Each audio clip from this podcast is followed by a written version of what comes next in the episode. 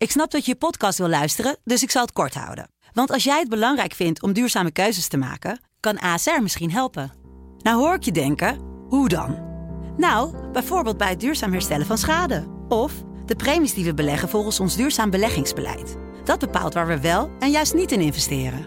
Wil je meer weten over welke duurzame keuzes ASR maakt? Ga dan naar asr.nl/slash duurzame keuzes. ASR doet het. Zo, dan kan je nu lekker naar je podcast luisteren. Audiohuis. Hoi, ik ben Tina Nijkamp. Elke werkdag blijf je op de hoogte van de kijkcijfers, het medianieuws en hoor je mijn kijktips. Dit is Tina's TV-update. Goedemorgen, zometeen medianieuws en de vragen. Maar nu eerst Sophie en Jeroen. Dat startte gisteren natuurlijk na de winterstop van vier weken nadat we naar een huis vol en meer dan verwacht hebben kunnen kijken. En iedereen keek natuurlijk uit naar wat zij ging zeggen over het feit dat Galit het opeens niet meer presenteert. Want in die vier weken is er heel veel gebeurd, zoals we weten. Nou, Sophie uh, zei er zeker wat over en ging in gesprek daarover met Hanneke Groenteman. En keken daar dan nog extra veel mensen naar? Nee. 719.000 kijkers en 12,2 in 25, 54 jaar. En dat is fors lager dan wat meer dan verwacht daar scoorde vorige week. Dat scoorde namelijk 913.000 kijkers en 22,1 in 25, 54 jaar. Dat is die belangrijke commerciële doelgroep waar de reclamespots op worden verkocht.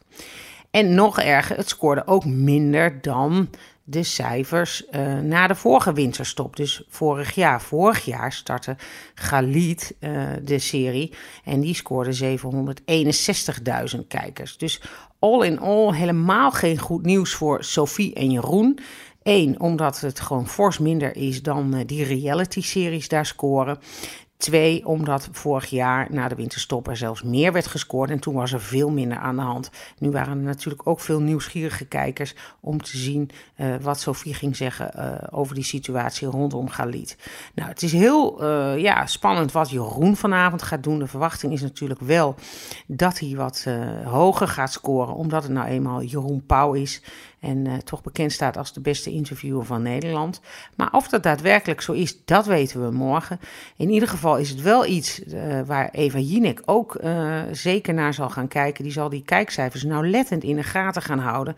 Want voor haar is dit toch ook wel een beetje zorgelijk. Je zou zeggen, ja, dat is juist fijn als het minder scoort. Want het zijn eigenlijk toch haar indirecte concurrenten.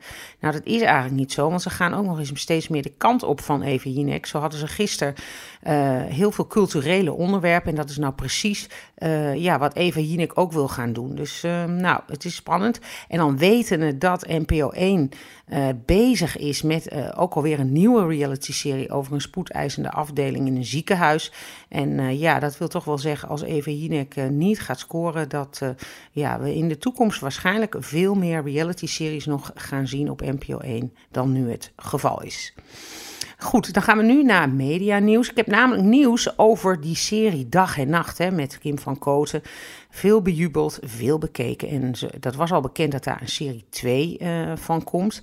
En uh, nou ja, ik kan nu bekendmaken. Ik heb gezien dat daar nu uh, vanuit het Filmfonds 600.000 euro naar, wordt overgemaakt naar die serie.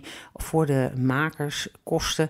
En nou, dat is flink veel geld. Dus ik denk dat die kwaliteit wel weer helemaal op en top is. Het scenario wordt geschreven door Kim van Koten en Nena van Driel. En dat is nog niet bekend. Het gaat zich afspelen op de afdeling kindergeneeskunde van dat ziekenhuis. Dus dat is uh, zeg maar um, ja, nieuws over dag en nacht. Verder heb ik nieuws over de verraders. De finale is geweest uh, in Engeland. Hè. Daar is het ook een enorm groot succes. Maar heel uh, bijzonder, die finale van die tweede reeks daar, die heeft maar liefst 6,9 miljoen kijkers gescoord. En dat is dus een, meer dan een verdubbeling van serie 1.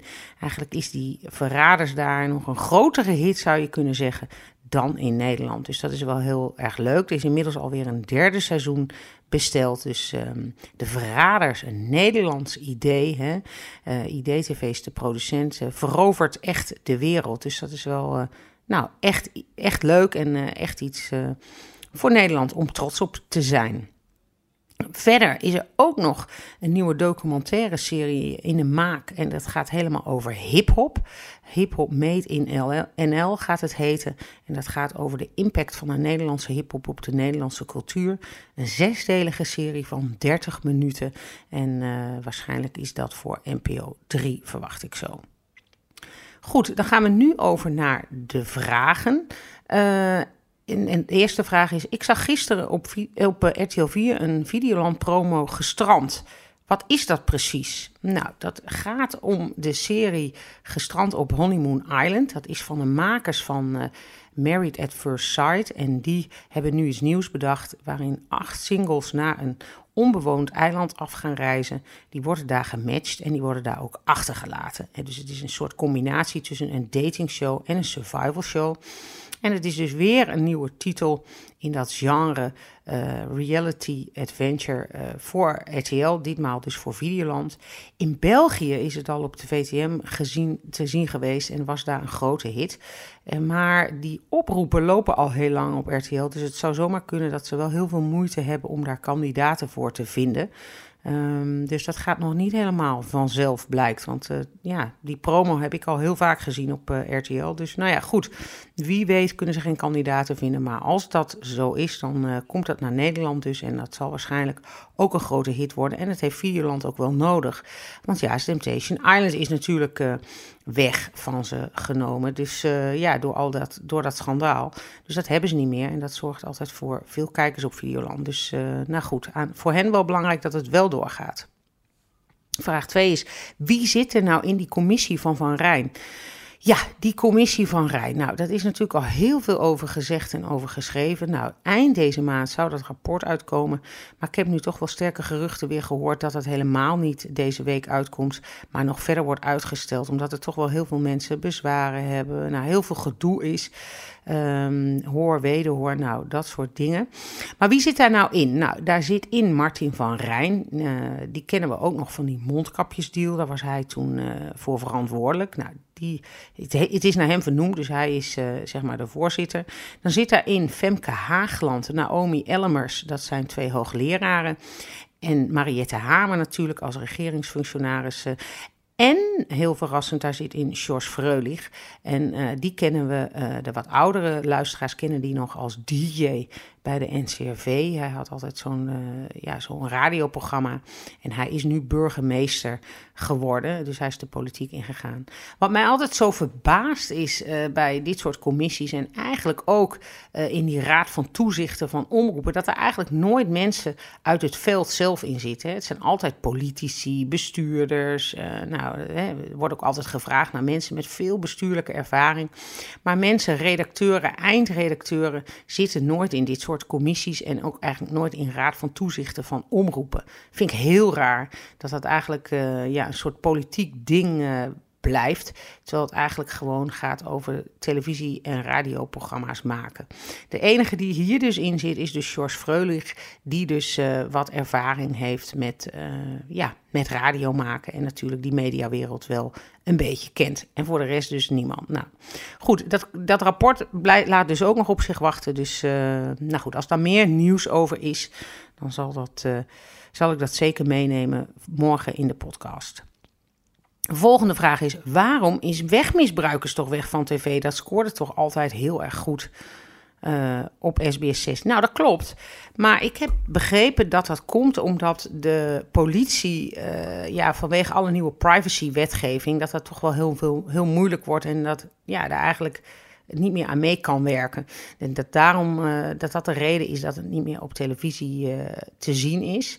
Het scoort inderdaad, uh, ja, het scoorde altijd gigantisch hoog. Het was altijd goed voor een miljoen kijkers en het herhaalde ook altijd goed. En dat vindt een zender altijd fijn dat in de zomer, als er wat minder budget is, dat je dat dan nog een keer kunt laten zien.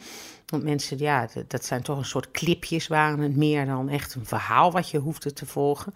Maar goed, dat is niet meer zo. En de kans is ook zeer, zeer klein dat we dat ooit nog weer op televisie terug gaan zien.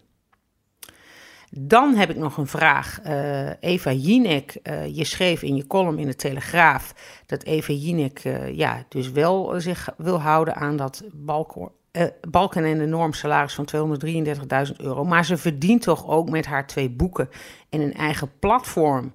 Hoe zit dat dan? Ja, ik weet natuurlijk niet precies hoe dat zit, maar het is wel zo dat presentatoren vaak naast hun uh, werkzaamheden als presentator nog wel andere werkzaamheden mogen doen. Um, bij de NPO ligt dat natuurlijk wel iets moeilijker dan bij uh, commerciële zenders. Dus ik denk niet dat Eva zomaar in allerlei reclames kan gaan zitten. Dat zal ze ook niet willen, maar dat mag ook niet. Maar dingen die ze al heeft ontwikkeld, bijvoorbeeld het schrijven van een boek en een eigen platform, ja, dat eigen platform lijkt me nog wel tricky. Ik weet niet hoe dat daar verder mee gaat. Maar een boek uh, is zoiets anders dan presenteren. Dus daar zal ze zeker wel toestemming voor krijgen. Maar ik denk wel dat alle nevenactiviteiten die ze vanaf nu uh, wil gaan doen, dat daar zeker toestemming voor gevraagd moet worden bij de directie van de Avrotros. Nou, goed, dat was het weer vandaag. Nou, vanavond dus. Uh, mijn kijktip is natuurlijk om te kijken naar Jeroen Pauw in Sophie en Jeroen. Hoe gaat hij dat doen? En hoe gaat dat scoren morgenavond? Morgen vroeg weten we dat. En uh, nou, dat was het voor nu. En uh, tot snel weer. Fijne dag. Dit was Tina's TV-update. Heb jij nou ook een vraag? Stuur me een berichtje via Tina Nijkamp op Instagram. Tot morgen!